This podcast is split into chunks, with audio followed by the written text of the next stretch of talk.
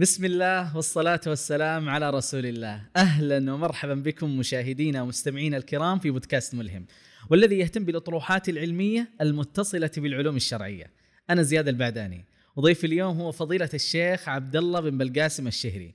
ناقشت مع ضيفي موضوع التزكية الإيمانية بدءا بأهميتها وتطور مفهومها عبر التاريخ ثم أبرز معالمها عند أهل السنة والجماعة.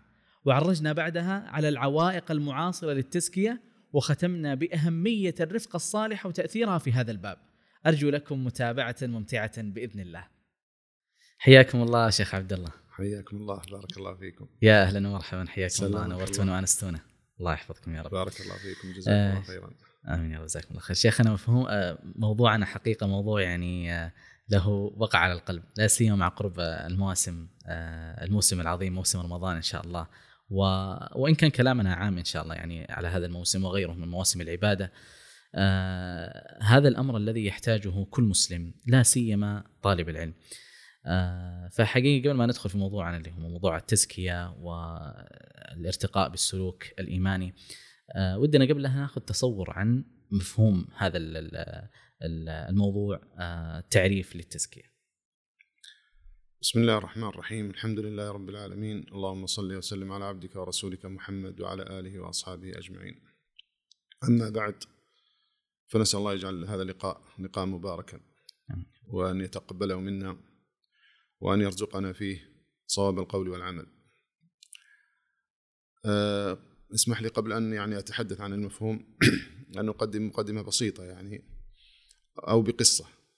أه رواها ال- المروزي في كتاب الورع وغيره. آه، وجاءت أيضا في ترجمة الإمام أحمد بتوسع أكبر وهو أن الإمام رحمه الله جاءه حطاب آه، فسأله قال إن لي إخوة وإن في كسبهم شبهة وإنا نجتمع للطعام عند أمنا فهل آكل معهم؟ آه، فقال الإمام أحمد رحمه الله هذا موضع بشر. لو كان بشر حيا لكان موضعا أن تسأله. آه، نعوذ بالله آه، أعوذ بالله آه، أن يمقتنا الله. آه، فتحرج الإمام أحمد رحمه الله من الحديث عن تزكية النفوس. وعن هذه المراتب العالية من الورع. وهو آه، أحمد وفي هذه المنزلة الرفيعة. وانظر إلى قوله آه، أعوذ بالله أن يمقتنا الله أو آه، واست- واستعمال لفظ المقت. والمقت هو أشد الغضب. ولذلك يقول الله جل وعلا إن الذين كفروا ينادون لمقت الله أكبر من مقتكم أنفسكم إذ تدعون إلى الإيمان فتكفرون. فالمقت هو أشد البغض والازدراء ولذلك يرى الإمام أحمد أن حديث الإنسان عن المراتب العالية في تزكية النفوس وهو ليس أهلا لذلك. أن ذلك مما يخاف على صاحبه من المقت. وقد ذكر ابن الجوزي رحمه الله في تلبيس إبليس أن آه، من المزالق في هذا الباب أن من يتحدث فيه أن الشيطان يصور له أنه من أهل هذا ال- ال- العمل وأنه قد بلغ المرتبة التي يمكنه من خلالها أن يتحدث عنه فإنه ما وصف حتى عرف. ولذلك نحتاج أن نقول هذه المقدمة أننا أن ما نقوله هذا اليوم أو نتحدث به ونتدارسه إنما هو من باب المطارحة المعرفية والتشارك المعرفي. مثل ما كانوا زمان يفعلون بنا يعني يقولون لنا ونحن صغار أعد كلمة عن قيام الليل. والإنسان يدوب يصلي الفرائض. فالمقصود أننا جمعنا بعض ال- الأفكار والكلام لأهل العلم عن هذه القضية. آه، نوجه الخطاب لأنفسنا أولا ونحاول أن نتشارك مع ال- الذين يستمعون إلينا آه، إثارة هذا الموضوع لتزكية آه، أنفسنا. نحن بحاجة إليه جميعا والم- والمتحدثون أحوج من غيرهم إليه. فلا يتوهم السامع أننا نتحدث عن تجربة إنما نتحدث عن موضوع آه، يعني جمع من م- مظانه ومصادر ال- مصادره المعرفية. ونرجو الله أن يعني يكون هذا من الدعوة إلى الله تبارك وتعالى. والله جل وعلا يقول في كتابه ربنا وابعث فيهم رسولا منهم يتلو عليهم آياتك ويعلمهم الكتاب والحكمة ويزكيهم. فهذا هذه من وظيفة الأنبياء الدعوة إلى تزكية النفوس والاشتغال بتربية النفوس آه، عليها. فهذا من الأمور المهمة التي يعني يحاول الإنسان يرفع بها المعاتبة ويريد يعني أن يكون يعني يستغفر الله تبارك وتعالى من ذلك. حتى ان ابن القيم رحمه الله في بعض المواطن يقول نستغفر الله من الكلام فيما لسنا بأهل الله. وهؤلاء هم الأئمة الكبار الذين هم في أعلى المراتب من تزكية نفوسهم. لكن مع ذلك نحن والله بحاجة لهذا الأمر. يعني إذا كان الناس سيتحرجون كلهم من الحديث عن هذا الأمر وحق لهم أن يتحرجوا لتأخر مراتب المتأخرين وتأخر يعني وكثرة ما نقع فيه من الأخطاء. لكن مع ذلك من سيتكلم؟ يعني و فهذا من باب التدارس أكثر من قضية الدعوة وتوجيه الآخرين إلى هذا الأمر. آه، يعني الحديث عن السلوك أو عن تزكية النفوس آه، يحتاج إلى أن نعرف السلوك. والسلوك في في لغة العرب من سلك الطريق إذا دخل فيه أو آه، مشى في الطريق. والنبي صلى الله عليه وسلم يقول من سلك طريقا يلتمس فيه علما سهل الله له به طريقا إلى الجنة. يعني مشى في هذا الطريق. و يعني في الاصطلاح الشرعي يمكن أن يقال بأنه ما يتعلق بالجانب العملي يعني الحديث في في السلوك آه، غالبا ما آه، يكون في كلام العلماء عن آه، ما يتعلق بالجوانب العملية والأمور التعبدية، الجانب العملي ما يتعلق بأعمال القلوب وأعمال الجوارح وأيضا أعمال عمل اللسان الذي هو قوله والأخلاق كذلك. وهذا الأمور التعبدية والأخلاقية هي في مفهومنا الشرعي هي المقيدة بهدي النبي صلى الله عليه وسلم. آه، وأما يعني كلمة التزكية فإنها في لغة العرب أيضا من آه، كلمة آه، زكى يزكو إذا نما وزاد وكثر خيره يعني ليست الزيادة المطلقة فالزكاة هي زيادة الخير وقد يعني جاءت في القرآن الكريم في مواضع كثيرة يعني كلها تدل على هذا المعنى. معنى الكثرة كثرة الخير والنماء والزيادة والطهر أيضا والنقاء. ولذلك يقول الله جل وعلا فلينظر أيها أزكى طعاما. يعني أطيب طعاما. وقال بعض المفسرين الطعام الحلال. وهو داخل في هذا المعنى معنى يعني الطاهر من من الشبهة الطاهر من المحرم. آه، والله جل وعلا أيضا قال في سورة آه، الشمس قال قد أفلح من زكاها. أي آه، طهرها وبعمل الصالحات واجتناب المنهيات. وبالمناسبة في هذه السورة أقسم الله عز وجل على هذا الجواب اللي هو جواب القسم. قد أفلح من زكاها. أقسم الله تبارك وتعالى أحد عشر قسما. وهذا آه، ليس في القرآن أبدا غير, غير هذه القضية.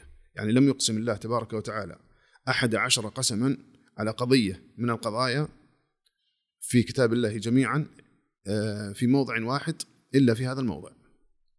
وإذا جينا نستعرض هذا الأقسام تجدها والشمس وضحاها. فال, فال يعني الحلف بالشمس أو القسم على الشمس والضحى أيضا. فهي قسمان هنا. والشمس وضحاها والقمر إذا تلاها والنهار إذا جلاها والليل إذا يغشاها والسماء وما بناها. وما بناها. يعني وب واما أن تكون الماء مصدرية فتكون والسماء وبناؤها. أو والسماء والذي بناها وهو الله عز وجل. والسماء وما بناها. والأرض وما طحاها ونفس وما سواها. فعندنا أحد عشر قسما. أقسم الله عز وجل أحد عشر قسما متوالية على قضية واحدة وهي قد أفلح من زكاها. وقد أيضا للتحقيق. فمع أن هذه الأقسام الهائلة المتتالية توجب يعني الثقة والله ومن أصدق من الله قيلا. يعني لو أقسم إنسان من الثقات مرتين أو ثلاث لا تهيب الناس هذا القسم. فكيف ب الله جل وعلا ومن أصدق من الله قيل أقسم أحد عشر قسما متوالية على هذه القضية. قال قد أفلح من زكاها. أفلح يعني ظفر بمطلوبه ونال غاية مراده وحصل له غاية الفلاح ونهاية الفوز والظفر. قد أفلح من؟ قال الله من زكاها. يعني من زكى هذه النفس التي قال الله قبل قليل ونفس وما سواها فألهمها فجورها وتقواها. يعني ألهمها طريقين إنا هديناه السبيل إما شاكرا وإما كفورا. فلما ألهمها الطريق كان الناس يعني انقسم الناس إلى قسمين. قسم اعتنى بتزكية هذه النفوس وتحمل مسؤولية تطهيرها وزيادة الخير فيها وقسم أهملها ودساها. فأخبر الله عن آه، حال الفريقين وانقسامهم. فقال قد أفلح من زكاها الفريق الذي زكى هذه النفس فزكاها وزاد الخير فيها وذلك بعمل الصالحات على طريقة الأنبياء عليهم الصلاة والسلام بما جاء به آه، الرسول صلى الله عليه وسلم جاء به الوحي. آه، وباجتناب المنهيات باجتناب المنهيات. ف وأيضا يقول الله جل وعلا خذ من أموالهم صدقة تطهرهم وتزكيهم. وتزكيهم بها. والزكاة هنا بمعنى الطهر وأيضا كثرة الخير وبركة. تبارك لهم وتباركهم بهذه الصدقة وتزيد تزيد خيرهم وتنمو أعمالهم وتطهرهم. فقال خذ من أموالهم وقال سبحانه قد أفلح من تزكى. وقال جل وعلا الذي يؤتي ماله يتزكى. وقال جل وعلا أقتلت نفسا زكية يعني بريئة طاهرة. فهذا كله يعني وقد جاءت في يعني بألفاظ كثيرة في كتاب الله جل وعلا. لكن الحاصل من هذا كله أن معنى التزكية هي تطهير النفس وكثرة خيرها وتنميتها وتحسينها ورفع الإيمان فيها بعمل الصالحات واجتناب المنهيات. نعم.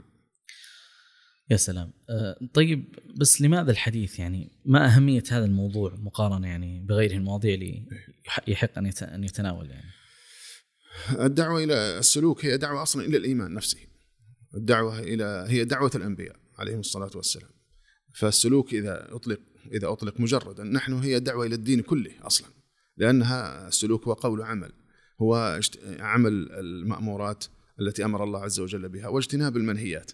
لكن لما آه، تنوعت العلوم وانقسمت وصارت كل قسم من أقسام العلوم يعنى بجانب صارت تتعلق بالجانب آه، العملي. ولعلنا إن شاء الله لما نتكلم عن التطور التاريخي آه، يظهر لنا أسباب الحاجة إلى الحديث عن هذا الموضوع. آه، أكثر. لكن آه، هو جزء من من الدعوة نفسها. هو جزء من دعوة الأنبياء عليهم الصلاة والسلام. يعني الدعوة إلى أعمال القلوب مثلا. تجد أن القرآن كله آه، دعوة إلى إلى هذا العمل. يعني القرآن ذكر القلب في ذكر القلب في القرآن أكثر من 132 مرة باللفظ هذا بهذه المادة. غير لفظ الفؤاد ولفظ الصدور ولفظ الألباب فهذا يدل على العناية العظيمة بأعمال القلوب. ثم قضية الأخلاق. فالقرآن فالدين في مفهوم القرآن هو هذا الدين الشامل. الذي يعم أعمال القلوب وأعمال الجوارح وقول اللسان وهو كما هو على معتقد السلف الصالح قول وعمل. كما قال الله عز وجل ليس البر أن تولوا وجوهكم قبل المشرق والمغرب ولكن البر من آمن بالله واليوم الآخر. والملائكة والكتاب والنبيين وآتى المال على حبه ذوي القربى واليتامى والمساكين وابن السبيل والسائلين وفي الرقاب وأقام الصلاة وآتى الزكاة والموفون بعهدهم إذا عاهدوا والصابرين في البأساء والضراء وحين البأس أولئك الذين صدقوا وأولئك هم المتقون لاحظ كيف المزج بين أعمال القلوب وأعمال الجوارح وأعمال اللازمة والأعمال المتعدية وما يتعلق بأركان الإيمان ما يتعلق بأركان الإسلام ما يتعلق بالايمان بالله وملائكته وكتبه ورسله وما يتعلق بالإيمان بإقامة الصلاة وفي أثنائها الإحسان وفي أثنائها عمل القلوب الصبر والمعاملات مع الناس والوفاء بالعهد. فهذا كله من من تزكية. هي دعوة دعوة يعني دعوة الأنبياء عليهم الصلاة والسلام وهي أسباب الفلاح. يعني هو اسباب كما قال الله عز وجل. يعني نزكي أنفسنا لننال هذا الفلاح. الله جل وعلا يقول قد أفلح من زكاها. ف وقد خاب من دسها. يعني جعل المقابل لترك التزكية هو الخيبة. وهو عدم النيل المطلوب. وهو فشل الفشل. وعدم الظفر بما يريده الإنسان ويطمح إليه من سعادة الدنيا وسعادة الآخرة. فهذه كلها تدل على أهمية الموضوع هي هي دعوة الأنبياء صلوات الله ربي صلوات ربي وسلامه عليهم جميعا. اللهم صل وسلم على محمد. طيب تعرضتم قبل قليل لموضوع التطور التاريخي، ما المقصود يعني بالتطور التاريخي لمفهوم الصوف؟ هل فعلا كان في يعني آه، يعني التصورات كانت تختلف من زمن لزمن عن هذا المفهوم؟ آه، يعني بعث الله رسوله صلى الله عليه وسلم بالهدى ودين الحق وأقامه صلى الله عليه وسلم كما أحب الله جل وعلا، يعني أقام هذا الدين بشموليته وأقام أوامر الله تبارك وتعالى كلها. آه، وأقام هذا الدين ظاهرا وباطنا واعتقادا وعبادة ومعاملة واخلاقا وسلوكا صلى الله عليه وسلم. وأقام هذا الدين في لسانه صلى الله عليه وسلم وفي قلبه وفي جوارحه صلى الله عليه وسلم. وكان كما قالت أم المؤمنين عائشة كان خلقه القرآن. فهذا الدين الذي بعث الله به رسوله صلى الله عليه وسلم جسده صلى الله عليه وسلم في حياته في عمله. فكان صلى الله عليه وسلم آه، نال أعلى المراتب في أعمال القلوب. فهو قد نال أعلى المراتب في مرتبة المحبة. لربه سبحانه وتعالى حتى قال ولكن صاحبكم خليل الرحمن. فكان الله عز وجل خليله. يعني آه، كان آه، في هذه في أعلى مراتب المحبة. وكذلك في الخوف. والله لا أنا أخوفكم لله وأخشاكم له. آه، مراتب الصبر عليه الصلاة والسلام. مرتبة الشكر. أفلا أكون عبدا شكورا. مرتبة اليقين. مرتبة السكينة. مرتبة كل الإنابة الرغبة والرهبة والخ... وسائر أعمال الإخبات والخشوع آه، كان عليه الصلاة والسلام في ذلك في أعلى المراتب صلى الله عليه وسلم. وكان كذلك في الأعمال العبادات. فهو صلى الله عليه وسلم قام حتى تفطرت قدماه وصلاته أكمل الصلاة في فرائضه وفي نوافله وصام صلى الله عليه وسلم حتى كان يصوم في اليوم الشديد الحر صلى الله عليه وسلم. وكان الجيش كله ما فيه صائم إلا رسول الله صلى الله عليه وسلم وواحد أو اثنين من الصحابة رضي الله تعالى عنهم. وتصدق صلى الله عليه وسلم وأعطى حتى مات صلى الله عليه وسلم وقد جاءته الدنيا صلى الله عليه وسلم. ومع ذلك مات ودرعه مرهونة صلى الله عليه وسلم. وكان أكمل الناس خلقا في بيته كان أكمل الناس خلقا مع جيرانه كان أكمل الناس خلقا مع الناس. وكان أرحم الخلق بالخلق صلى الله عليه وسلم في أخلاقه وفي سلوكه وفي آه، تعامله مع الناس وكان مع ذلك أعظم الناس حياء من ربه سبحانه وتعالى وكان يبكي وكان في صدره أجيج كأجيز آه، كأزيز كأزيز المرجل صلى الله عليه وسلم من البكاء. آه، فكان هذا الدين الكامل الذي آه، رآه الصحابة رضي الله عنهم ماثلا أمامهم ليس فيه انفصام ولا في ولا تناقض. يرونه صلى الله عليه وسلم يرون الإيمان فيه صلى الله عليه بهذا المفهوم الكامل القول والعمل الظاهر والباطن الاعتقاد والعبادة والمعاملة والسلوك. ثم فتشرب الصحابة رضي الله عنهم هذا النموذج وتمثلوه رضي الله تعالى عنهم جميعا وكانوا على أكمل ما يكون ذلك الجيل الذي آه، تخرج من هذه المدرسة آه، المباركة. فكانوا أيضا هم على أكمل الأحوال من أعمال القلوب. والخوف من ربهم. حتى ذكر البخاري رحمه الله في في صحيحه عن عبد الله عن أبي موسى الأشعري أن عمر رضي الله تعالى عنه قال له يا أبا موسى أرأيت إسلامنا مع رسول الله صلى الله عليه وسلم وجهادنا آه، وهجرتنا معه وجهادنا معه وكل أعمالنا معه أرأيت أو يسرك أن كل هذا برد لنا يعني ثبت لنا أجره. وأن كل ما عملناه بعده نجونا منه. كفافا راسا برأس. يقول ما رأيك يا أبا موسى؟ لو أن كل أعمالنا اللي كانت في عهد الرسول صلى الله عليه وسلم وكل التضحيات وكل الجهاد وكل الهجرة وكل الأعمال التي كانت مع الرسول صلى الله عليه وسلم وبرعايته وبتوجيهه وبتصويبه صلى الله عليه وسلم حينما يحصل الخطأ وبهذه الحياة المباركة المفعمة بالخير أنها ثبتت لنا، يعني هل يسرك هذا أنها ثبتت يقال هل أجركم فيها كامل وتام. ثم بعد ذلك ما عملناه بعده. وانظر ماذا عمل، ماذا عمل عمر بعد الرسول صلى الله عليه وسلم، وما هي أعماله؟ وهي أحسن الأعمال وهو استمرار على المنهج الذي كان فيه في عهد الرسول صلى الله عليه وسلم. من العبادات ومن الزهد ومن الورع ومن الأمر بالمعروف ومن العدل ومن الرحمة ومن كل الخير. ومع ذلك يقول ثم ما كان بعد ثم ما عملنا بعده يعني كأنه يرى أنهم آه، قصروا. ثم ما عملنا بعده نجونا منه. يعني يقال لكم ترى الذي فعلته قبل مقابل الذي فعلته بعد. رأس براس كفافا يعني لا لكم ولا عليكم. قال أبو موسى رضي الله عنه لا والله يا أمير المؤمنين. والله لقد جاهدنا بعد رسول الله صلى الله عليه وسلم وصمنا وصلينا وعملنا خيرا كثيرا وأسلم على أيدينا خلق كثير وإنا نرجو ذلك. قال والله إني لأرجو إني أتمنى أن أنجو كفافا لا لي ولا علي.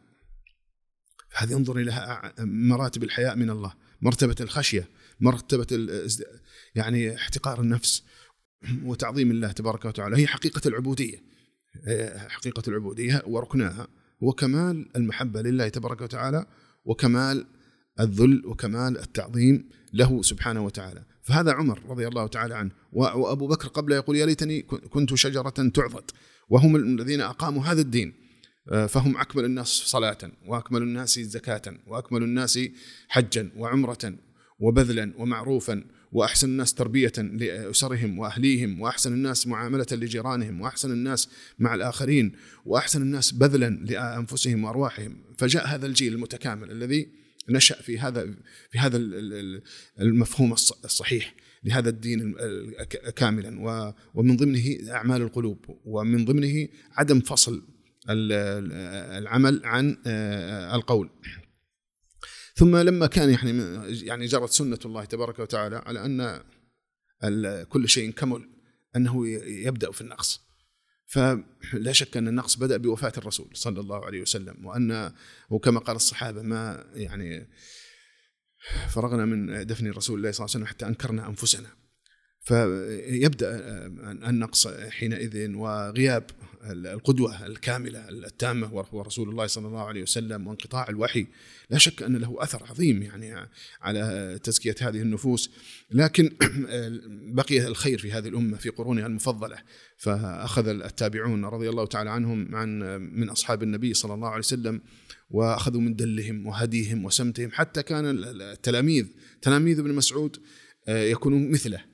في هديه ودله وسمته لأنه ما كان يعلمهم فقط معرفة مجردة بل كان حياة كاملة نموذج كامل تطبيق كامل في القول والعمل والهدي والدل والسمت والمعتقد والمعاملة والعبادة يرون أنه يعني امتداد للسنة. وكذلك تلاميذ ابن عباس لهم آه، آه، صبغة ودم وطبعة ابن عباس موجودة في في تلاميذه في هؤلاء التابعين. وكذلك جاء تابعوهم ف انتفعوا بمشايخهم وعلمائهم وهكذا في في القرون المفضلة. وبدأت يعني أوائل النقص الكبير وذلك بظهور البدع والخلل في التصورات والمعتقدات وظهرت أصول الفرق. وأعظمها هي قضية الفصل بين قضية القول والعمل والإرجاء. واقتصار في تعريف الإيمان على أنه مجرد التصديق. والفصل بينه وبين الأعمال الاعمال سواء أعمال القلوب أو أعمال الجوارح. كانت هذا التصور له أثر عميق آه، في الدوائر العلمية وكذلك في الدوائر المجتمع نفسه. وإن كان الذي أثر على المجتمع أيضا أكثر من من من التصورات يعني العقدي اثر عليه أيضا الانفتاح على الدنيا. و... و... وكان الصحابة رضي الله تعالى عنهم يتجافون عنها ويشتغلون بالآخرة. و لكن لما يعني فتح الله على المسلمين وكثر الخير فيهم كان هذا من الأسباب التي يعني أشغلت الإنسان أيضا عن العناية بنفسه فبدأ في ذلك النقص عليهم. كذلك من الأسباب أيضا أو لهذا النقص في في تطوره التاريخي أنه حصل فصل بين العلم والعمل. يعني بدأت العلوم يعني عندنا علم الاعتقاد والحديث عن الأمور الخبرية. وهي احتاج الناس إليها بلا شك واحتاج العلماء إلى أن يردوا البدع وأن يناقشوا أهل البدع وأن يدعوا إلى معتقد أهل السنة والجماعة. لكن هذا هذا الطرح المعرفي المجرد لم يكن كذلك طبعا في القرون المفضلة بل كانوا يدعون إلى إليه قولا وعملا. لكن أيضا من من الأسباب هو حدوث نوع من الفصل بين العلم والعمل وبين المعرفة والتطبيق. استشعر السلف رحمهم الله ذلك مبكرا يعني وكان بل في عهد بل القرآن القرآن حذر من النفاق الذي هو الفصل بين العلم والعمل. يا أيها الذين آمنوا لم تقولون ما لا تفعلون؟ ومن الناس من يقول آمنا بالله وباليوم الآخر وما هم بمؤمنين. هذا النفاق الاعتقادي. لكن أيضا النفاق العملي وهو التناقض بين الفكرة والممارسة. الفكرة التناقض بين ما يتبناه الإنسان اعتقادا ومعرفة وبين الممارسة العملية. وإن كان هناك تلازم حقيقي يعني كما ذكره ابن تيمية رحمه الله أن هناك تلازم بين ما آه، في القلب وبين السلوك وأنه لا يمكن أن يكون هناك إيمان إذا لم يكن سلوك. فكل ما كان في القلب من إيمان فإنه يظهر ولا بد في آه، في آه، السلوك.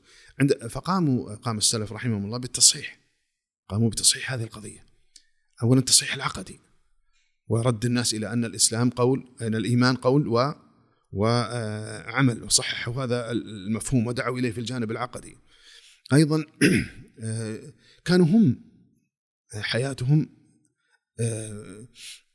أمثلة ونماذج. يعني العلماء أنت لما تقرأ في في سير اعلام النبلاء مثلا تبدأ يبدأ الإمام الذهبي رحمه الله في بيان يعني ترجمة الذي يترجم له ويتحدث عن نسبه مثلا و ثم ثم يتحدث عن جهده العلمي والمشايخ الذين أخذ عنهم وتلاميذه الذين اخذوا عنه وبعض الأحاديث التي رواها ثم يذكر التأله والتعبد فيه وثناء الناس عليه في جانب العبادة وجانب الورع وجانب الزهد وهكذا في حلية الأولياء هكذا في الكتب التي ترجم حتى في في كتب الجرح والتعديل يذكرون التعبد. ويذكرون القيام الليل يذكرون الصلاة يذكرون جزء من من عدالة الرواة. هذه التزكية. فكانت متمثلة في في حياتهم وفي تراجمهم. أيضا كانوا كتبهم كانت كتب السلف. هي دعوة إلى العلم والعمل. لذلك لما تقرأ كتاب تفسير مثلا كتاب الإمام الطبري رحمه الله الذي ينقل الآثار. تجد أن نقل عن مجاهد وعن ابن عباس وعن عكرمة وعن قتادة. هي وعظ وعظ. يعني لما ينقل تفسير الآية ينقلها بروح الواعظ روح الواعظ. ليست معرفة مجردة. كذلك في كتب السنة. يعني أفردوا مع كل كل كتب السنة عمل أصلا عمل يعني. لكن أيضا أفردوا كتب للرقائق. ففي في البخاري مثلا كتاب الرقاق في صحيح البخاري يوردون فيه القضايا التي آه، تحرك القلوب تحرك الخشية والخوف من الله سبحانه وتعالى وذكر الآخرة والزهد والورع. وكذلك في بقية كتب السنة في صحيح مسلم في سنن الترمذي في في مسند الدارمي في آه، غيرها من كتب السنة. بل وصنفوا صنفوا كتبا مستقلة يعني في أهل السنة والمشتغلون بالحديث صنفوا في, هذه القضايا كتبا مصنفة مستقلة لشعورهم بالأهمية اعاده الناس إلى العمل وهذا الإقبال على المعرفة هذا الإقبال على الحديث الإقبال على آه، الأسانيد الإقبال آه، خافوا أن يكون معه آه، غلو في جانب الطلب دون دون العمل. حتى إن بشر الحارث بن الحارث يعني كان عنده وإن كان يعني ربما يكون استشعره بشكل مبالغ فيه. شعر أن طلب الحديث حتى يقول إنه ليس من من عمل الآخرة. أو كلمة تشبه هذا أنه يعني يقول ليس هو طريقه هو. وإن كان يقول إن عمل إن طلب الحديث من أعظم الأعمال لكن رأى أنه هو لم ينتفع به في داخله. لذلك انصرف إلى العبادة. فهذا شيء خاص به. لكن المقصود أنهم استشعروا هذا الفصل. فصاروا يصنفون. حتى ذكر بعض المحققين على كتب الزهد كتاب الزهد لابن المبارك آه، أنه أنه صنف في الزهد 76 مصنفا. يعني حسب يعني ما ما وصل إلينا آه، آه، من معرفة حول كتب الزهد التي ألفت في عصر التدوين وعصر القرون المفضلة إلى 76 أو ربما بعدهم بقليل 76 مصنفا في كتب الزهد. فقط عنوانه كتاب الزهد أو كتاب الورع أو في الرقاق في في هذا الموضوع. وكذلك كتب الورع وألف وصنف الإمام أحمد رحمه الله آه، كما رواه عن المروزي كتاب الورع. وكان كتاب وابن المبارك رحمه الله كانوا آه، يصنفون آه، على طريقة أهل الحديث. يعني ينقلون ورع الصحابة ورع التابعين ورع السلف وكانوا يحصل لهم من من التأثر في مجالس التزكية. الشيء العجيب حتى يقول كان يعلو نشيجهم يعني في لما يقرؤون كتاب الزهد لابن المبارك وهم ينقلون عن هذه النماذج.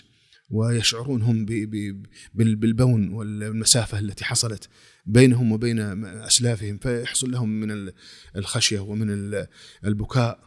وأيضا يرون يعني تعظيم هؤلاء الطبقة مع مع جلالة قدرهم ومع أعمالهم العظيمة وشدة خوفهم من الله سبحانه وتعالى وخشيتهم له. ف أيضا كل هذا استشعره السلف الصالح إلى إلى من بعدهم أيضا إلى بدأ التأليف مثلا منازل السائرين لكتاب الهروي مثلا بعده كتاب إحياء علوم الدين وإن كان العلماء يعني لهم تحفظ على بعض ما فيه. وهذا جزء من جزء من من التطور الذي حصل. إنه حصل أيضا آه، آه، انحراف عن منهج السلف في التعبد نفسه. يعني كان آه، ردة الفعل على الجفاء الذي حصل والفصل بين العلم والعمل أنه حصل أيضا الجفاء في مسألة العبادة فحصلت حصل سلوك غير منضبط بالشرع أيضا وكان هذا أيضا من الأسباب التي تحتاج إلى إلى العودة إلى منهج أهل السنة والجماعة في في التربية والسلوك. قلنا بعدها كتاب منهاج القاصدين الذي اختصر فيه كتاب من يعني كتاب إحياء علوم الدين ثم مختصر منهاج القاصدين ثم كتاب كتب ابن القيم كلها كتب ابن تيمية رحمه الله ككتاب التحفة العراقية كتاب قاعدة في المحبة كذلك كتاب ابن القيم مدارج السالكين. و كتب كثيرة يعني حتى في في شروح السنة. ليس شرطا أنها كتب مجلد العاشر والمجلد الحادي عشر مجلد التصوف ومجلد السلوك لشيخ الإسلام ابن تيمية رحمه الله كتب ابن القيم رحمه الله الداء والدواء وغيرها من الكتب كتب ابن القيم كلها في في هذا في هذا الباب طريق الهجرتين و نحوها. فهذا يعني النقص الذي حصل يقابله جهود من الأمة في محاوله إعادة الناس إلى العمل. و وأيضا من من التغيرات التي حصلت حصول عنايه عنايه المتفقهة مثلا بالعبادات بصورة العبادات. والغفلة عن عن لبها وروحها وهي أعمال القلوب فيها. فكان من العلماء من يصحح هذا باستمرار. آه، استمر هذا التطور يعني أو النقص وما يقابله. وكلما جاء عصر كان آه، كانت مظاهر النقص فيه أكبر. وهذه سنة الله تبارك وتعالى. وكان جهود التزكية أقل وأضعف. وكانت أثره على الناس أثر النقص أكبر وأكبر. وكلما ابتعدوا عن مشكاة النبوة كلما يعني حصلت لهم من الضعف في قلوبهم حصلت لهم من حصل لهم من الضعف في أعمالهم. إلى أن إلى عصرنا الحاضر. يعني كان الناس من أسباب النقص هو انفتاحهم على الأمم الأخرى وأفكارهم وأديانهم. لكن كانت تلك الأديان إما أديان سماوية كأهل الكتاب ومن اليهود والنصارى أو أديان آه، ربوبية يعني يعني أو أديان آه، تعظم الله سبحانه وتعالى وإن كانت تشرك به سبحانه وتعالى. ثم حصلت يعني العصر الجديد حصل تغير رهيب جدا ومفزع للنفس البشرية. وهي أنها وهي الفكر المادي الطاغي. والفكر الذي استخف بقضايا الغيب واستخف بقضايا الروح. واستخف بجانب الربوبية حتى. ولذلك كان وكان أيضا شيء منتشر وعام وانفتحت الأمم على بعضها البعض. فحصل بسبب ذلك يعني قسوة في القلوب بسبب هذا الأمر. وأيضا المتغير الآخر هو الثورة المعرفية هذه وثورة الاتصالات. وانفتاح الأمم وكثرة والتخمة المعرفية هذه التي انفتح فيها الناس على كل شيء. ويعني أصبح هناك متغير جديد سلب آه، المورد الرئيس للتزكية وهو الوقت. يعني حينما تدعو الناس إلى تزكية نفوسهم أنت تريد منهم وقتا. يعني لو أردت أن يزكي نفسه بقيام الليل أو بالصيام أو بالذكر أو بقراءة القرآن أو بقراءة تراجم العلماء يعني تزكية الخشية في نفسه والخوف من الله والمحبة كل ذلك يحتاج إلى وقت. فهذه التقنية المعاصرة سلبت منا الوقت. ربما تكون عندنا بعض الإرادة وإن كانت إرادة ناقصة لأن لو كانت إرادة تامة لتمكنا لكن عندنا إرادة لتحسين نفوسنا لكن نواجه هذا المتغير الجديد. صحيح ان أن الدنيا انفتحت منذ وقت مبكر على المسلمين. لكن مهما كانت الشهوات يعني شهوة الطعام كان هناك وقت ويشبع الإنسان من طعامه. وقت ويشبع الإنسان من من الملاهي التي يكون فيها. أي أي نوع ماذا سيلهو به؟ يعني في الماضي ماذا سيلهو به؟ يأكل ولا يشرب ولا النساء ولا في النهاية سيحصل مرحلة تشبع يعني. والوقت يعني سينقضي يعني. ويبقى عنده وقت طويل يمكنه فيه استعادة نفسه و ويمكن معه ممارسة الأعمال الصالحة التي تزكي النفس. لأن أصل العمل في القلب والعمل أصل في في الإيمان. فالعمل يزكي القلب فيحتاج إلى أن يعمل. الآن لما تأتي إلى عصرنا الحاضر تجد أن التقنية سلبت الوقت أو أكثره. يعني سلبت الساعات الطويلة فيه. حتى من الناس الأخيار والمعتنين والمهتمين بقضية تزكية أنفسهم. عندهم هذا الهم لكن ما في وقت ما في وقت. وهذا شيء خطير جدا. الأمر الثاني أن أن ما أفرزته التقنية الحديثة مؤثر بشكل كبير جدا على الإنسان. يعني جاذب له جاذب لها بطريقة لم يسبق إليها. ولذلك في في في الإمكان أن يبقى الساعات الطويلة دون أن يشعر بالملل ولا السأم. ويسرق وقته آه، بشكل كبير جدا. وهذا قلت لك ما كان موجود في في في الماضي. بالإضافة إلى أن هذا آه، هذه التقنية آه، سلبت من الإنسان أعمال القلب نفسها. يعني سلبت الحب وسلبت الخوف وسلبت الخشية. كيف؟ يعني الآن لما يقع الإنسان تحت مؤثرات كبيرة. تسلب إعجابه مناظر جميلة مواقف جميلة أصوات جميلة أصوات مؤثرة أصوات آه، غريبة أصوات عجيبة. تستنزف منه هذا آه، الشعور بالميل أصلا. يعني مال إلى هذا المقطع ثم مال إلى هذا المقطع ثم مال إلى هذا المقطع ثم منح حبا لهذا الصورة ثم منح حبا لهنا. فاستنزف استنزف هو وأصبحت نفسه مرهقة أصبحت نفسه متعبة. يعني حتى لما يستمع هو إلى موعظة الجمعة مثلا أو يستمع إلى القرآن أصبحت النفس منهكة ومتخمة وإذا كان ابن مسعود رضي الله تعالى عنه يقول كما في الصحيح كان رسول الله صلى الله عليه وسلم يتخولنا بالموعظة مخافة السآمة علينا مخافة السآمة علينا. آه وهو رسول الله صلى الله عليه وسلم وهم أصحابه. وكان يخرج ابن مسعود في الأسبوع مرة واحدة. مخافة السآمة. فكيف بهذا التدفق؟ التدفق الكثيف والهائل. يعني لم يعد هناك منصات إعلامية. أصبح البشر كلهم منصات إعلامية. يبث الأفراد على بعضهم البعض. في البيت الواحد أصبح فيه عشر وكالات للأنباء. التي تبث 24 ساعة. وتبث أشياء آه، مرتبطة بك بحياتك. يعني ببيئتك. يعني مثلا أنت لما تشاهد برنامج في قناة بعيدة عنك ليست من بيئتك وليست من ربما إنك تقول هذا غير مهم هذا ما ما يعنيني. لكن يصير البث من بيتك. ابنك يبث وبنتك تبث عن عن عن حالك عن بيتك عن بيئتك. فأصبحت أشد جذبا وأشد ارهاقا. ولذلك ما في لم يعد هناك مساحة حتى لو كانت المادة قوية يعني يلاحظ الإنسان أن نفس الموعظة التي كان يسمعها قبل عشر سنوات أو عشرين سنة أو حتى الوعاظ الذي الذين كان مجرد ما يستمع لهم دقائق معدودة يبدأ يشعر بتغير في قلبه ونفسه.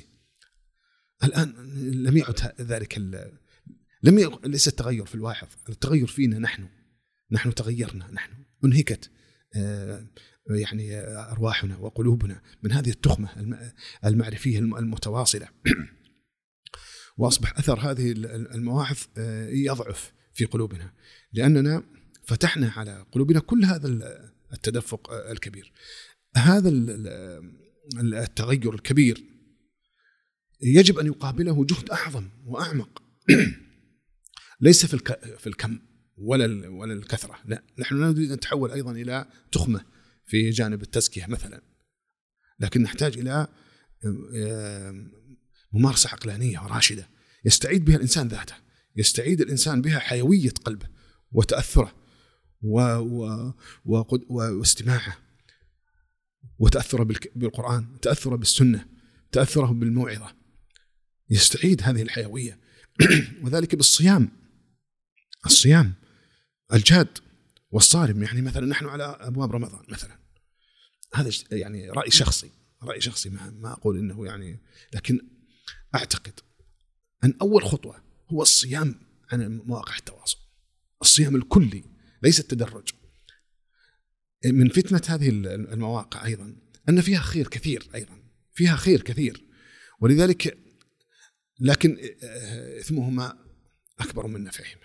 يعني هي صحيح أنها فيها مصادر معرفية ممتازة وقريبة وسريعة لكن لما تأتي على الخلاصة من كل ذلك أنها سلبت وقتك عن العمل سلبت وقتك الوقت كله عن العمل. حتى ربما يعني يفتح الإنسان الجوال فينسى صلاة آه، الضحى مثلا وينسى ورده من اليوم وينسى الأذكار. آه، فالصيام عن هذه مواقع التواصل لو جرب الإنسان لو جرب الإنسان في رمضان مثلا أن ينقطع بالكلية ينقطع بالكلية عن هذه المواقع و آه، سيجد بإذن الله عز وجل أنه استعاد شيء من من لذة العبادة وحيوية روحه وقلبه. هذا بعض يعني السرد لما وقع في في في آه، السلوك والتربية على مر التاريخ نعم أه قبل شيخنا ما ندخل في موضوع العوائق كأننا تعرضنا إلى بعضها يعني العوائق المعاصرة لموضوع التزكية أه نبغى نشوف معالم هذا الموضوع عند أهل السنة والجماعة، إيش هي أبرز معالم التزكية عند أهل السنة والجماعة؟ أبرز معالم معالم منهج أهل السنة والجماعة في تربية النفوس في تزكيتها في دعوتها إلى الجانب العملي والعبادي هي أن مصدر التلقي فيها هو الكتاب والسنة. آه، ومن يطع الله والرسول فأولئك مع الذين أنعم الله عليهم من الصد النبيين والصديقين والشهداء والصالحين وحسن أولئك رفيقا. وأطيعوا الله والرسول لعلكم ترحمون. وإن تطيعوه تهتدوا. فطاعة الله وطاعة رسوله صلى الله عليه وسلم. الوحي هو مصدر آه، التلقي. يعني كيف آه، زكى الرسول صلى الله عليه وسلم أصحابه؟ كيف رباهم؟ ما هو منهجه صلى الله عليه وسلم في تربية أصحابه؟ كيف غيرهم؟ يعني من الجيل الوثني. الجيل الذي قال النبي صلى الله عليه وسلم فيه إن الله نظر إلى أهل العرب إلى أهل الأرض عربهم وعجمهم فمقتهم إلا بقايا من أهل الكتاب. كيف تغير هذا الجيل؟ أصبح يعني جيل الصحابة رضي الله عنهم هو بالوحي بالقرآن بالسنة. فمصدر التلقي يجب أن يكون آه، اعتقادا. وعبادات ومعاملة وسلوكا مستقى من الكتاب والسنة كيف ما هي ما هي ما هي أصول الاعتقاد في الكتاب والسنة؟ ما هي أصول الاعتقاد في العمل والإيمان؟ الإيمان قول وعمل آه، والمفاهيم التي تقدم بيان شيء منها أن أن كل الأعمال إيمان الذكر إيمان والصلاة إيمان والصيام إيمان والخشية إيمان والصبر إيمان والورع إيمان والإنابة إيمان ومحبة الله إيمان والصدقة إيمان والدعوة إيمان. كل هذا يعني آه، مصدره الكتاب والسنة. آه، فأن يكون مصدر العبادات. ما يكون عندنا أذواق ولا مواجد ولا اقتراحات ولا تجارب في العبادات. يقول الله أنا جربت أسوي كذا وجربت أسوي كذا. لا العبادة هي ما أثر عن النبي صلى الله عليه وسلم في عباداته في الفرائض في النوافل في نوافل الصلاة في نوافل الصوم في نوافل الصدقة في نوافل الحج والعمرة في نوافل الذكر الأذكار والأوراد. وطريقته صلى الله عليه وسلم في وفي طريقته صلى الله عليه وسلم في آه، قراءة القرآن في تحزيبه وفي ورده وعنايته به وتدبره صلى الله عليه وسلم. وذلك آه، ويقول يقول ابن القيم رحمه الله وتزكية النفوس هي وتزكية النفوس مسلم إلى الرسل. يعني تزكية النفوس مسلم إلى الرسل يعني ليس آه، نظرية تربوية وليست اجتهادات لعلماء النفس لا. هي مسلم إلى الرسل عليهم الصلاة والسلام. يعني كيف زكوا النفوس؟ هي هذه الطريقة. كيف زكى النبي صلى الله عليه وسلم؟ كيف كان يعمل هو عليه الصلاة والسلام؟ آه، فإذا عندنا مصدر التلقي. هذا المعلم آه، الأول.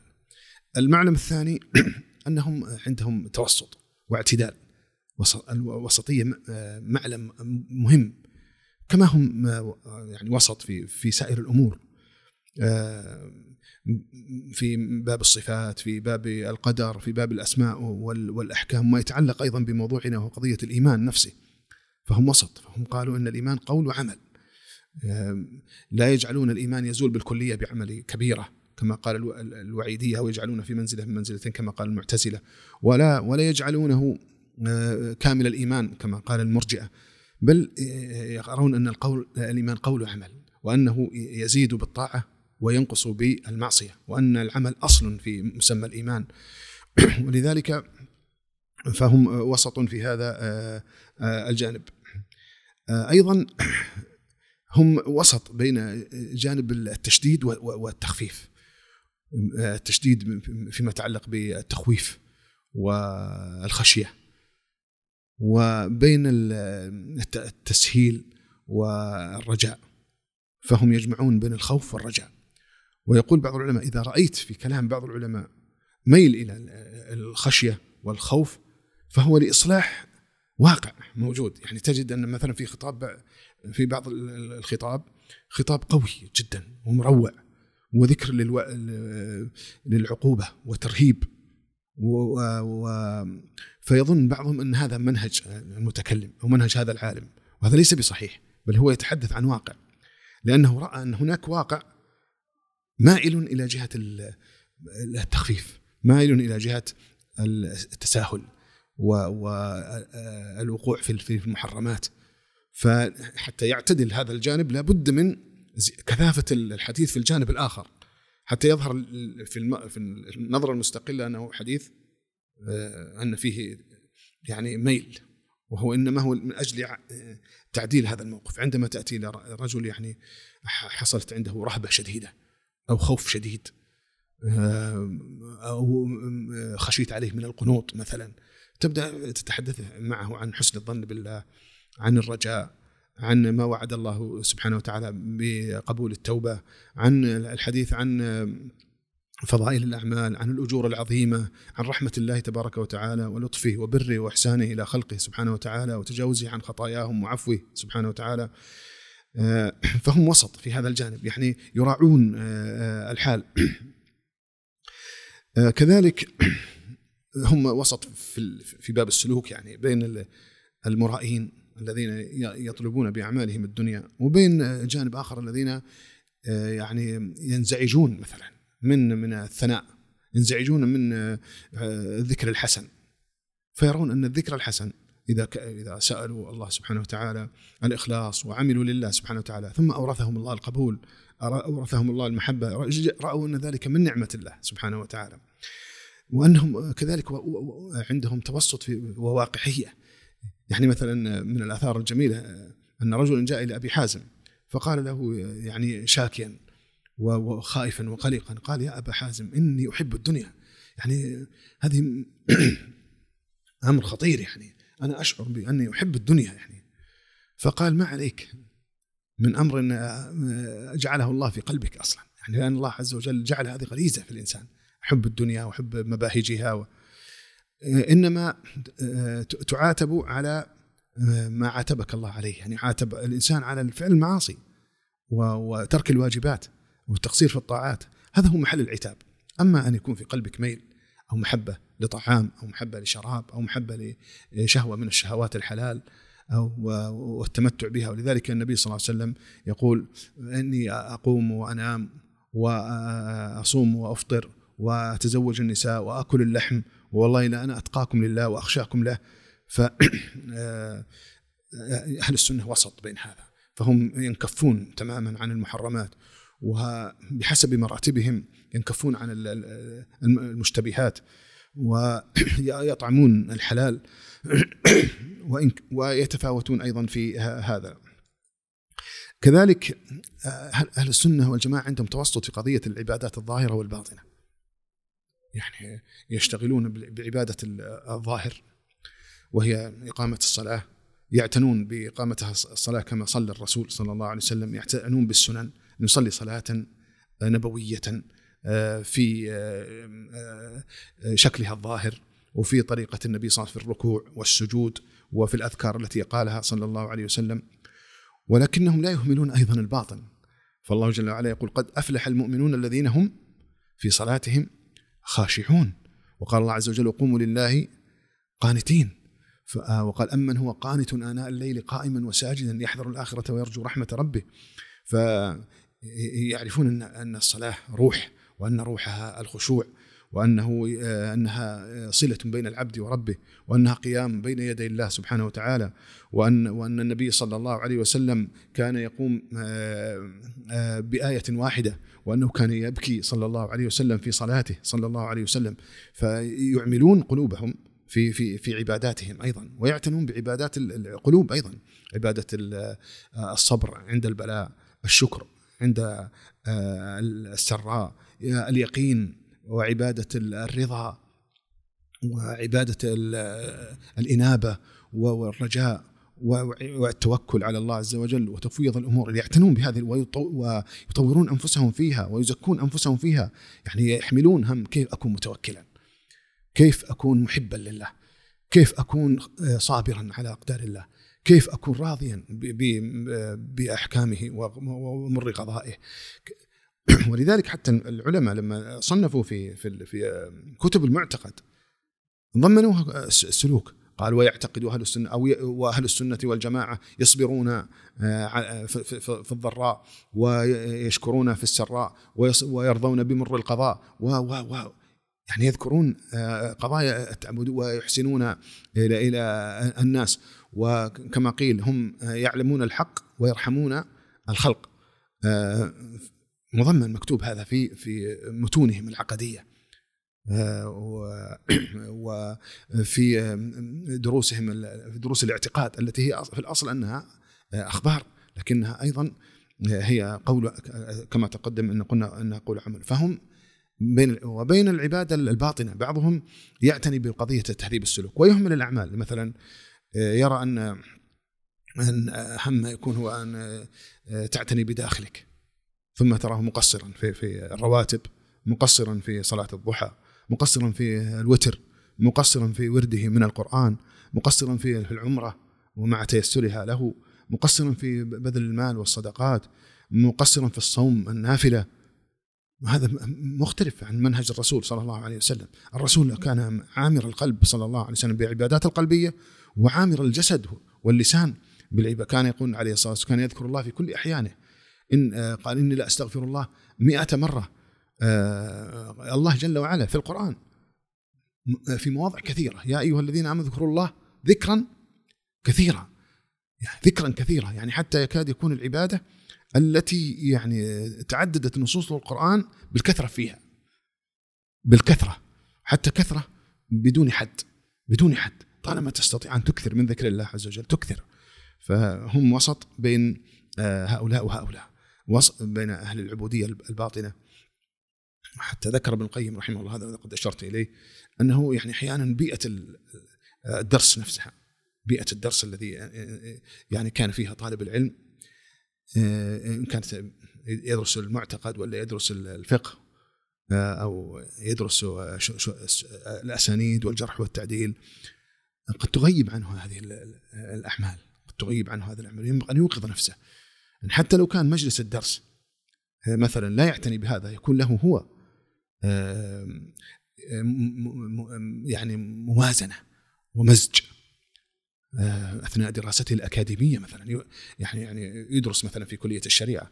كل الدروس تعتبر معرفية مثلا فقه وأصول فقه وكتب آه، ومتون في المعتقد وعلوم الآلة. أين اين كتب التزكية فيها؟ مسؤوليتك أنت. مسؤوليتك. تقرأ في كتب التزكية. وتقرا في وتتدبر القرآن وتتدبر السنة عن النبي صلى الله عليه وسلم. أيضا هم وسط بين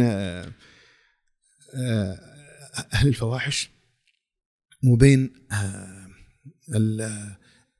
المتبتلين المنقطعين عن عن المباح الحلال. أيضا من من أصولهم الظاهرة. أنهم يوافقون ألفاظ الشريعة. وهذا مهم جدا في قضية التزكية. أنهم يعتنون بالأسماء والألقاب التي جاءت بها الشريعة. يعني لفظ الصبر الزهد الورع الخشوع الإخبات الإنابة الرغبة الرهبة التقوى الصلاح آه، الزكاة الإيمان. ولا ينحتون آه، مصطلحات جديدة. ولا يخترعون آه، يعني كما فعل من بعدهم. فإنهم يعني ابتدعوا ألفاظ جديدة. فهم أمام هم يتقيدون بألفاظ الشريعة. اسمح لي. بسم الله.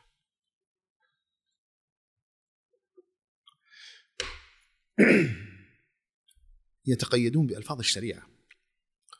آه، والتقيد بالأسماء والألقاب. والأحكام أيضا. يجعل الإنسان قريبا من من المحتوى ومن التطبيق أيضا. آه، إذا جاءتهم الألفاظ المجملة استفصلوا فيها فلا يردون اللفظ بالكلية بل يردون ما فيه من الباطل ويقبلون فيه من الحق ولذلك هم أمة العدل. يعني إذا جاء لفظ مثلا الفقر ماذا تريد بالفقر؟ يعني هل هو مطلوب لذاته؟ أن تكون فقيرا؟ ولا المقصود الزهد. فإذا كان مقصوده بالتفقر هو الزهد والتجافي عن التوسع من فوق الحاجة من الدنيا. هذا مفهوم شرعي. وكان النبي صلى الله عليه وسلم يقول ازهد آه، في الدنيا يحبك الله. وكان إمام الزاهدين صلى الله عليه وسلم وأصحابه بعد يحذر الناس من الدنيا. أما إذا كان الفقر أن أن يستهدف أن يكون فقيرا معدما وأن يتجافى أسباب العمل والرزق. هذا مخالف لمنهج الشرع. فيرفض ما في هذا اللفظ من آه، اللقب. أيضا هناك من آه، معالم التربية والسلوك هي مراعاتهم لأحوال آه، المكلفين. فمن جهة استعداداتهم هم يعني أن نحن الآن مقبلون على رمضان مثلا وتجد الأسئلة تكثر هل آه، أكثر من القراءة ولا أكثر من التدبر؟ هل أعتني بطلب العلم فيه ولا أعتني بالتعبد؟ هل أعتني بالصلاة ولا أشتغل بالاعمال الخيرية؟ وهكذا تكثر الأسئلة. وليس هناك جواب فاصل في كل هذه القضايا. ولذلك يقول ابن تيمية قاعدة أن تفعل العمل الذي هو أرضى لله والتي الذي تقدر عليه. وقد يكون يقول ابن تيمية رحمه الله قد يكون الفعل المفضول في حقك خير لك من الفعل الفاضل. يعني الانسان كما يقول ابن القيم رحمه الله سيد عمله الذكر يعني هو انشراحه وإقباله ونشاط نفسه وأثر اثرها على نفسه في فيما بعد الفرائض فيما بعد الفرائض نحن يعني الفرائض لا بد منها واجتناب المحرمات هذا ليس فيه خيار ولا فيه تفاضل. ويبدأ الإنسان به. وبالمناسبة يعني نقطة مهمة ذكرها آه،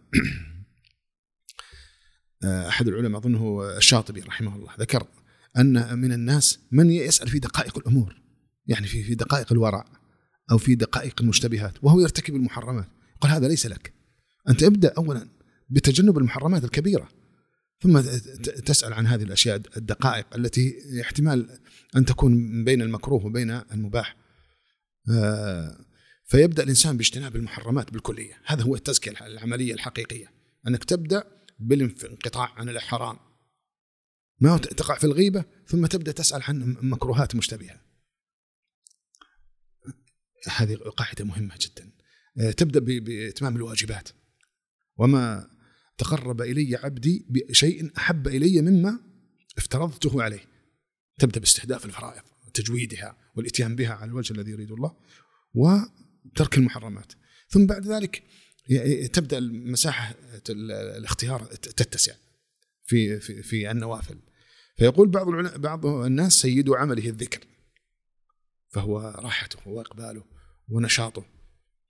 ولذلك عبد الله العمري الإمام الزاهد العابد. راى الإمام مالك رحمه الله مشتغل بالتعليم ومجالس الدرس في في مسجد الرسول صلى الله عليه وسلم. وهو منقطع للصلاه والعبادة والقيام والتألم والبكاء والخشية.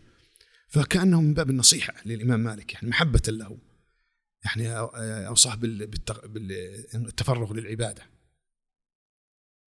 فبعث إليه الإمام مالك رحمه الله أن الله أن الله قسم الأعمال كما قسم الأرزاق.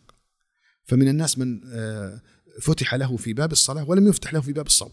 ومن الناس من فتح له في باب الصيام ولم يفتح له في باب الذكر. ومن الناس من فتح له في باب الذكر ولم يفتح له وفتح له يفتح له في باب الذكر وفتح له باب العمل العلم. وأنا كان رزقي في هذا يعني في في العمل في العلم وتعليمه. وأرجو أن أكون قد نلت خيرا. فالإنسان حتى هو الملامح على ذاته. يعني واحد فتح له في باب الذكر. يرى طلاب العلم مثلا لكن هو ما يرى عنده نشاطا لهذا. يعني ما يرى يعني بعد تعلم الفرائض والعلم الحد الواجب ما يرى عنده نشاطا. ولا يرى قلبه في في هذا. ولكن يرى نفسه مقبل على كثرة الذكر وعلى التعبد وعلى قول النبي صلى الله عليه وسلم فضل العالم على العابد كفضل القمر ليلة البدر على سائر الكواكب هو العالم العابد. يعني العالم العامل. يعني ما في فصل. الذي جمع العلم والعمل على العابد الذي اقتصر على العبادة فقط على ما تعلم من العبادة الواجبة. فهذا هو فضله. فال آه، الإنسان يسعى فيما يسر الله له. ما أحبت نفسه وما أعانه الله عز وجل عليه. من أنواع العبادات فهذه يعني من الأشياء المهمة التي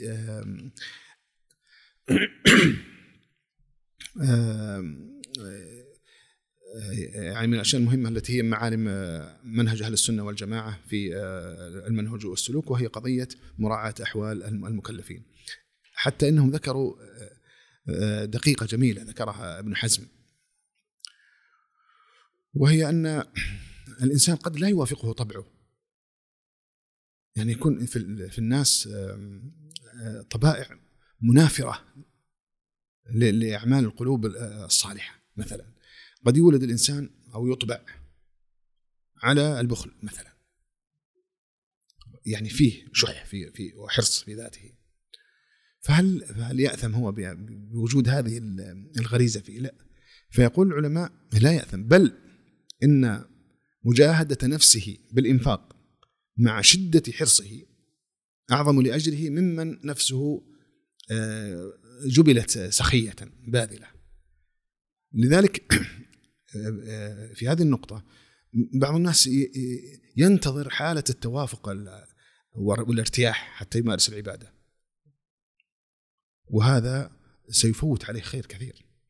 بل قيامك للعبادة وأنت تتكلفها وأنت حتى لا يحصل يعني تناقض بينه وبين النقطة السابقة. يعني هناك من فتح له في باب من أبواب الخير أكثر استوعب فيه وقته فهذا اشتغل به. لكن كلما جاء هذا إلى باب من أبواب الخير يجد أن نفسه آه، تكسل عنه أو آه،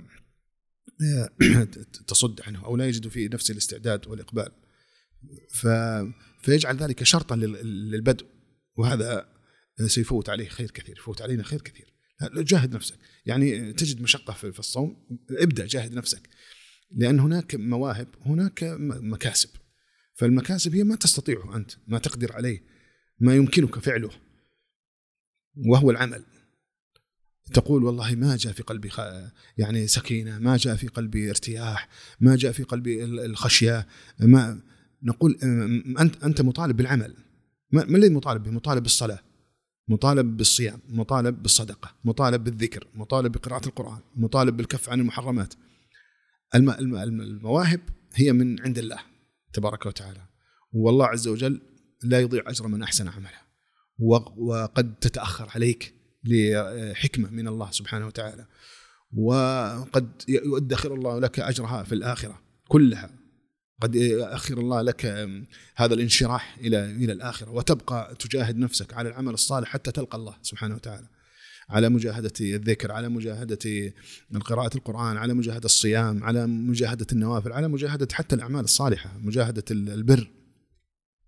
ومجاهدة صلة الرحم ومجاهدة الصبر على الأذى ومجاهدة إك- إكرام الجيران ومجاهدة الدعوة إلى الله سبحانه وتعالى إيه، تأتي وأنت تجد نفسك تثاقلا لكن تحملها و و وتذهب في كل يعني ال- ال- الظروف مهما كانت يعني مكلفة عليك يعني ويقول النبي صلى الله عليه وسلم إنما أجرك على قدر آه، نصبك كلما كانت. ولذلك يقول الله عز وجل في الأخلاق والكاظمين إيش؟ الغيظ. الكاظمين الغيظ. يعني صار عندهم غيظ هم عندهم غيظ. لكن كظموه. يعني ما عندهم حلم هو استحداد ما ما, يغضب ولا لا.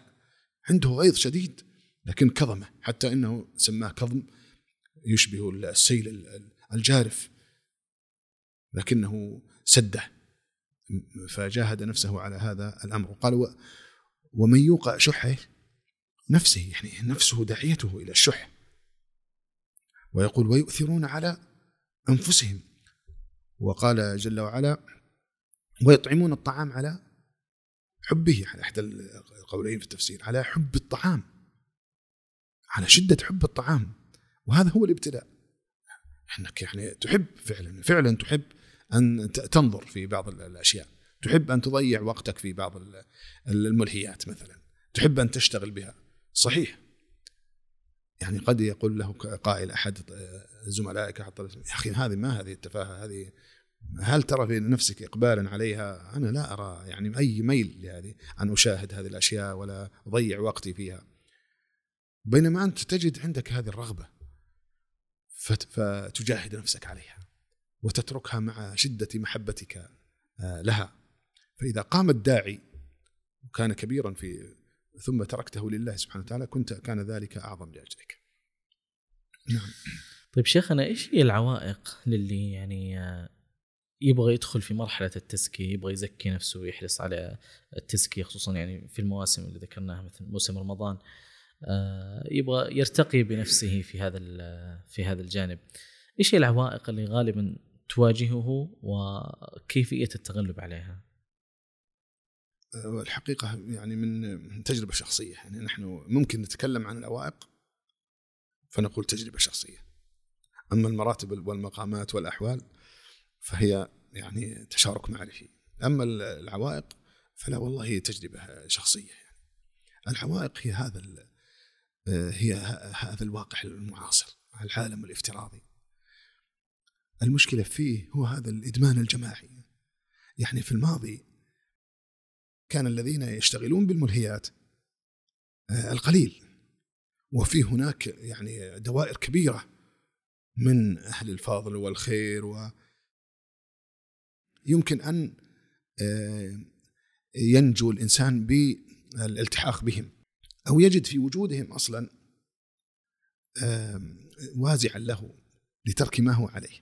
أما الآن فنتشارك في غالبنا في تبديد الأوقات في هذه التقنية المعاصرة. ولذلك لم لم يعد هناك من ينكر على بعض. نتحدث عن المشكلة نعم.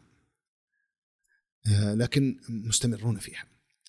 والمشكلة الأعظم أن المستقبل أكثر آه، صعوبة أيضا لأن التقنيات تزداد آه، جودة في سلب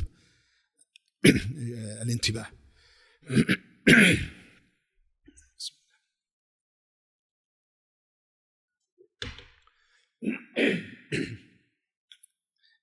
الآن يعني يتحدثون عن الواقع المعزز والميتافيرس و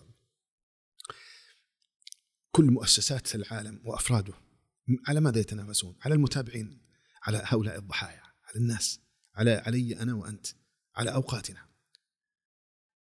يعني على أخذ حصة من هذا الإنسان من حياته من كينونته من هويته. والمجتمع كله يتشارك في في يعني الأخذ من بعضه البعض. فانا منصة وأنت منصة وكل واحد يأخذ من الآخر. مع هذا الجو العام لذلك أكبر العوائق حتى لا نغيب يعني حتى لا نشتغل بما هو دونها. أنا أقول لا نستطيع أن نزكي أنفسنا ما لم نملك وقتا. بدون وقت ما في تزكية. بدون وقت ما في عمل. يعني هو وعاء وعاء العمل. التزكية عمل. ووعاء العمل الوقت. وبدون وقت ليس هناك يعني. ولذلك أقسم الله بالعصر. وقال لأهل النار والعياذ بالله أولم نعمركم؟ إذا الوقت هو الذي امتن الله عز وجل به. ولذلك يقول الله سبحانه وتعالى أعذر الله إلى رجل بلغه كم؟ ستين سنة. يعني أعطاه وقت وقت كافي. أعذر الله إلى رجل بلغ آه، هو ستين سنة. آه، ف المجرمون يقول آه، ويوم تقوم الساعة يقسم المجرمون ما لبثوا غير ساعة لأنها مرت بسرعة ولم ينتفعوا بها. ف الأيام والزمان والساعات آه، يمكن الحفاظ عليها بالصيام عن هذه المواقع. وهذا يحتاج إلى علاج حقيقة و, و يعني علاج جماعي وعلاج فردي وتشارك من الجميع في التناصح به ولعل فرصة رمضان تكون هي البدايه لنا. آه، لأن نرشد استخدامنا هي نعمة من الله سبحانه وتعالى. ما في شك يعني. أنا أتيت إلى هذا المكان على الجوجل ماب وعرفت الطريق ولا احتجت إلى أحد يدلني على الطريق ولا ضعت في الطريق. هذه نعمة من الله سبحانه وتعالى. ما في شك.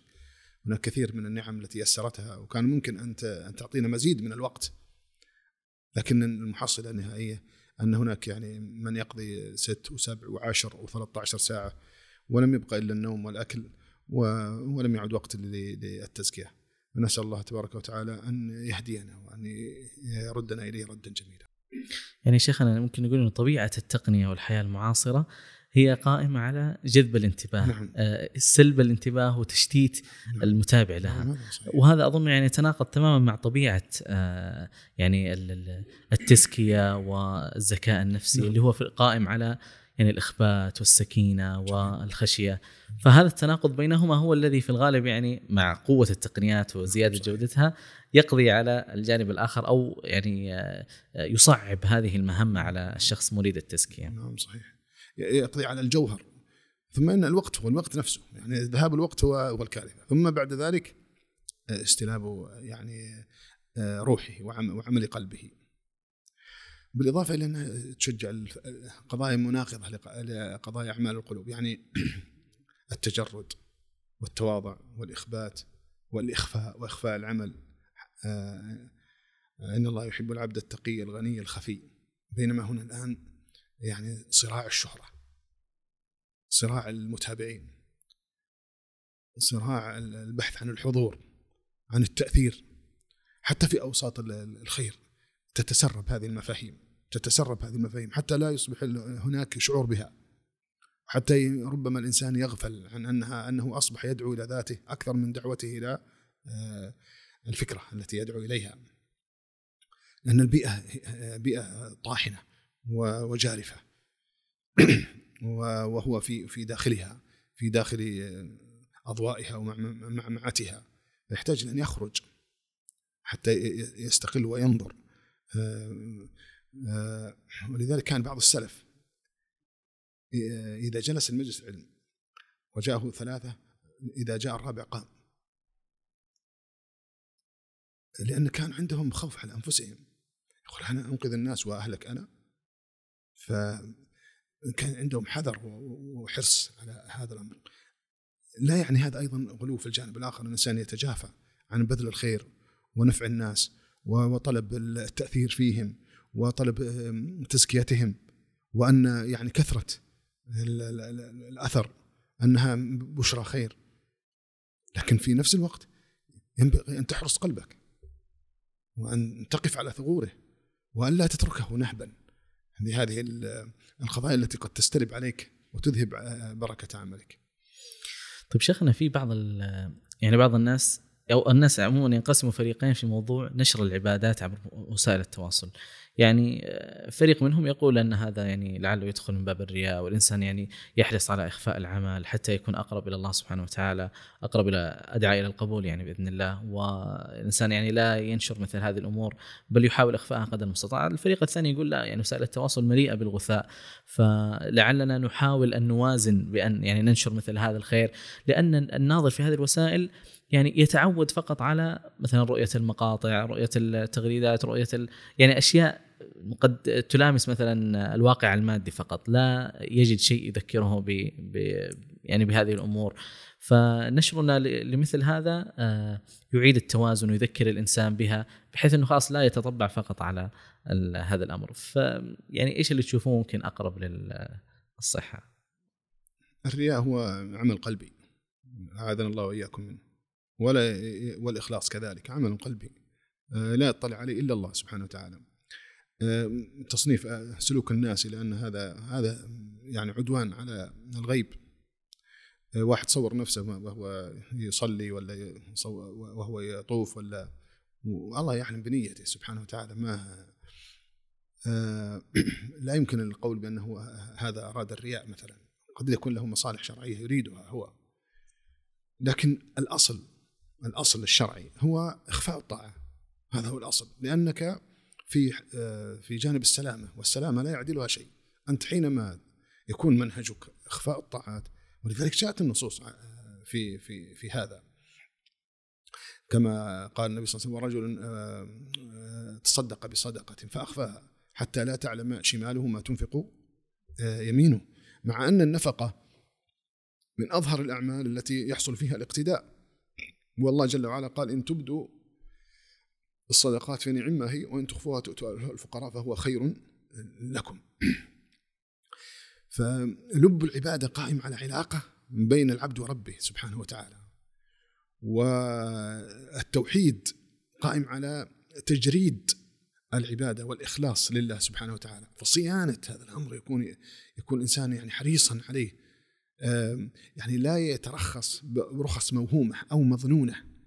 تحقق له جانبا من المصلحة الشرعية هذه لكنها تأخذ شيئا من الإخلاص. يعني الإخلاص ليس هناك فيه مساومة عليه لا يساوم عليه. إذا رأى أنه سيذهب شيء من الإخلاص فلا يساوم على إخلاصه من أجل المصلحة الشرعية. لكن إذا رأى أنه بإذن الله عز وجل أنه لا يريد شيء لا يريد يعني ثناء ولا اعجابا ولا جزاء ولا شكورا وإنما آه، يريد نفع الناس يريد نفع الناس بهذا الأمر. فايضا ينظر في المصلحة الشرعية أيضا لا يستبد الإنسان بنفسه وإنما يسأل أهل العلم ويسأل أهل الذكر هل هل في هذا الفعل فعلا؟ هل له مصلحة فعلا؟ هل هو يعني يؤدي إلى الغرض؟ لأنه قد يكون هو أيضا في وهم وان ما يشاهده الناس قد لا ينتفعون به أصلا. وأنفع ما ينفع الناس هو التوجيه المباشر يعني النصح النصيحة الدعوة. أما أن تريهم عباداتك الخفية أو خبيئتك التي تحب أن تأتي بها إلى الله سبحانه وتعالى وتبدد امتياز الخفاء الذي عندك من أجل مصلحة مظنونة.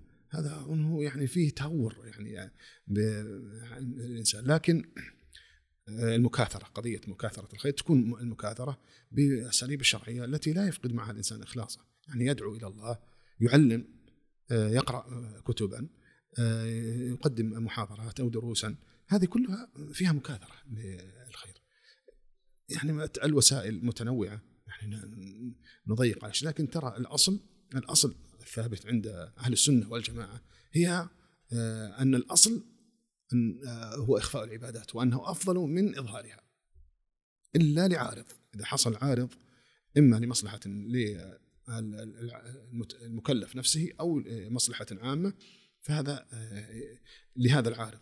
وإلا فالأصل هو إخفاء العبادة لأنها أقرب إلى جوهر العبودية. جزاكم الله خير. لعل من العوائق في ظني والله أعلم إنها يمكن قد تكون من أبرز العوائق كذلك آه، موضوع آه، الصحبة موضوع البيئة الصالحة. لعله في زمن ماضي كان يعني هذا الأمر متيسر لكل أحد ويستطيع الإنسان إنه يعني آه، يجد هذه الصحبة وتكون قريبة منه. وهذه الصحبة يتوصل بها إلى يعني بإذن الله إلى تزكية نفسه ولما يحيط نفس الإنسان نفسه بها بهؤلاء. لكن قد يعني يصعب هذا في يمكن في العصر الحاضر بشكل معين. فإيش هي الأمور اللي ممكن تعوض عن هذا النقص أو مع حرصه على إيجاد هذه الصحبة ولكن يعني إن لم إن لم يتيسر له. ما هي الأمور التي قد تساعده في أن يعوض هذا النقص وأن يكمل ويزكي نفسه يعني دون دون الصحبة أو دون توفرها بشكل كامل يعني. أحسنت. جزاك الله خيرا. يعني فعلا قضية الصحبة قضية مهمة جدا. والله جل وعلا يقول واصبر نفسك مع الذين يدعون ربهم بالغداة والعشي يريدون وجهه ولا تعد عيناك عنهم تريد زينة الحياة الدنيا ولا تطع من أغفلنا قلبه عن ذكرنا واتبع هواه وكان أمره فرطا. فأمر الله رسوله صلى الله عليه وسلم. وقال آه، ما قعد قوم في بيت من بيوت الله يتلون كتاب الله ويتدارسونه بينهم إلا نزلت عليهم السكينة. ولم يقل في في هذه الفضائل تكون الإنسان وحده وإنما تكون بهذا التدارس بهذا الاجتماع. ففيه يعني ميزة وخصيصة زائدة. قضية الجلوس مع الصالحين والاقتفاء بأثرهم. حتى كان بعض السلف يذهب العلماء يعني ويجد بعض العامة يجلسون في مجالس الحديث ليتعلموا الهدي والسمت وليس وليس لأجل تحمل الأسانيد ولا ويجدون أثر ذلك في نفوسهم. ونحن نعرف هذا. كنا نجلس في مجالس بعض العلماء ونرى هذا الأثر في نفوسنا. يعني نخرج بغير القلوب التي أتينا بها. فهذا الجلوس يعني مهما قيل من العوائق المعاصرة هي قضية الوقت هذا قضية التقنية الحديثة. هو الجلوس والتدارس وصحبة الصالحين هو غرض في ذاته ووسيلة. يعني المحبة في الله عز وجل هي من أعمال القلوب. يعني آه، ورجلان يتحابا في الله اجتمعا عليه وتفرقا عليه. آه، ويقول النبي صلى الله عليه وسلم ما تحاب اثنان إلا كان أحبهما إلى الله أشد أشدهما حبا لصاحبه. فهذه أعمال قلوب يعني تحتاج النفوس للتزكية والشوق إلى الأحبة والمؤمن مرآة أخيه والتناصح يحصل بهذه وقال الدين النصيحة. آه، هذه البعد عن هذه المجالس أو عن الأخيار يؤدي إلى أن يكون الإنسان يعني أخلاء من غيرهم. ولذلك قال الأخلاء بعضهم يومئذ لبعض عدو إلا المتقين. فهم آه، أحبة في الدنيا وأحبة في الآخرة. فمن أعظم أسباب التزكية فعلا أن يوفق الله العبد لصادقين. صادقين يعنون بآخرتك. يعنون يحبونك لدرجة أنهم قادرون على أن يضحوا بصدقتهم لك من أجل نفعك في الآخرة. فلا يداهنون. ولا يزينون لك الباطل بل إنهم يعني يكون بينهم من رفع الكلفة مثلا ما ما يجعلهم يتناصحون. يعني ما أقول فيه بديل ما في بديل عن الأحبة ما في بديل عن الأخيار والطيبين والجلوس معهم. البديل هو كما قال النبي صلى الله عليه وسلم أن الذئب يأكل من القاصية. عليكم بالجماعة كل إنسان من جماعة المسلمين. وقت الخلوة وقت العزلة للطاعة. يحتاجه الإنسان يحتاج إلى أن يخلو بنفسه خلوة يومية يحتاج أن يخلو بنفسه خلوة أسبوعية يحتاج أن يخلو بنفسه خلوة شهرية اعتكاف في رمضان أيام العبادة. يحتاج إلى أن يكون لوحده للتعبد والصلاة والقراءة. هذا مهم جدا يعني. لكن أقصد الانعزال الكلي. والبعد عن الناس وفي الغالب أيضا لا لا تكون من أجل غرض العبادة وإنما يعني يعني ظروف الحياة وما ما يمكن التواصل. وهل يمكن أن يكون هذه التواصل عن طريق وسائل التواصل؟ عن وسائل التقنية؟ إلى الآن ما ما وجدت يعني حرارة هذا المجالس في يعني عن طريق هذه التقنيات. يعني فيها خير الحمد لله ويحصل فيها تعليم وكذا لكن يعني مجلس الذكر وحتى يعني في بعض الفاظ الحديث ما قعد قوم في بيت من بيوت الله. يعني المكان مؤثر يعني. آه، وجود المكان وتحفهم الملائكة وتنزل عليهم السكينة ويذكرهم الله تبارك وتعالى في من عنده. واذا قال يتدارسون يعني آه، قال يتدارسون. اذا ما في ما في شيخ يعني ما فيه آه، درس. وإنما كانوا كلهم يتناوبون في الحديث يتبادلون. يعني حديثهم عن آه، حبهم وذكرهم لربهم سبحانه وتعالى ويذكر كل واحد منهم نعمة الله عليه ويذكر بنعمة وفضله بهذا الدين ويذكر الآخر بالآخرة والقدوم على الله وبمن رحل من الأحبة وهكذا. فتستيقظ عندهم هذه الطاعات وتزكى نفوسهم. أكرمكم الله وأحسن إليكم جزاكم الله خير شيخ عبد الله الله يحفظكم يا رب. والشكر أيضا موصول لمشاهدينا ومستمعينا الكرام. آه إلى أن نلقاكم بإذن الله في ملهم جديد. نستودعكم الله. والسلام عليكم ورحمة الله.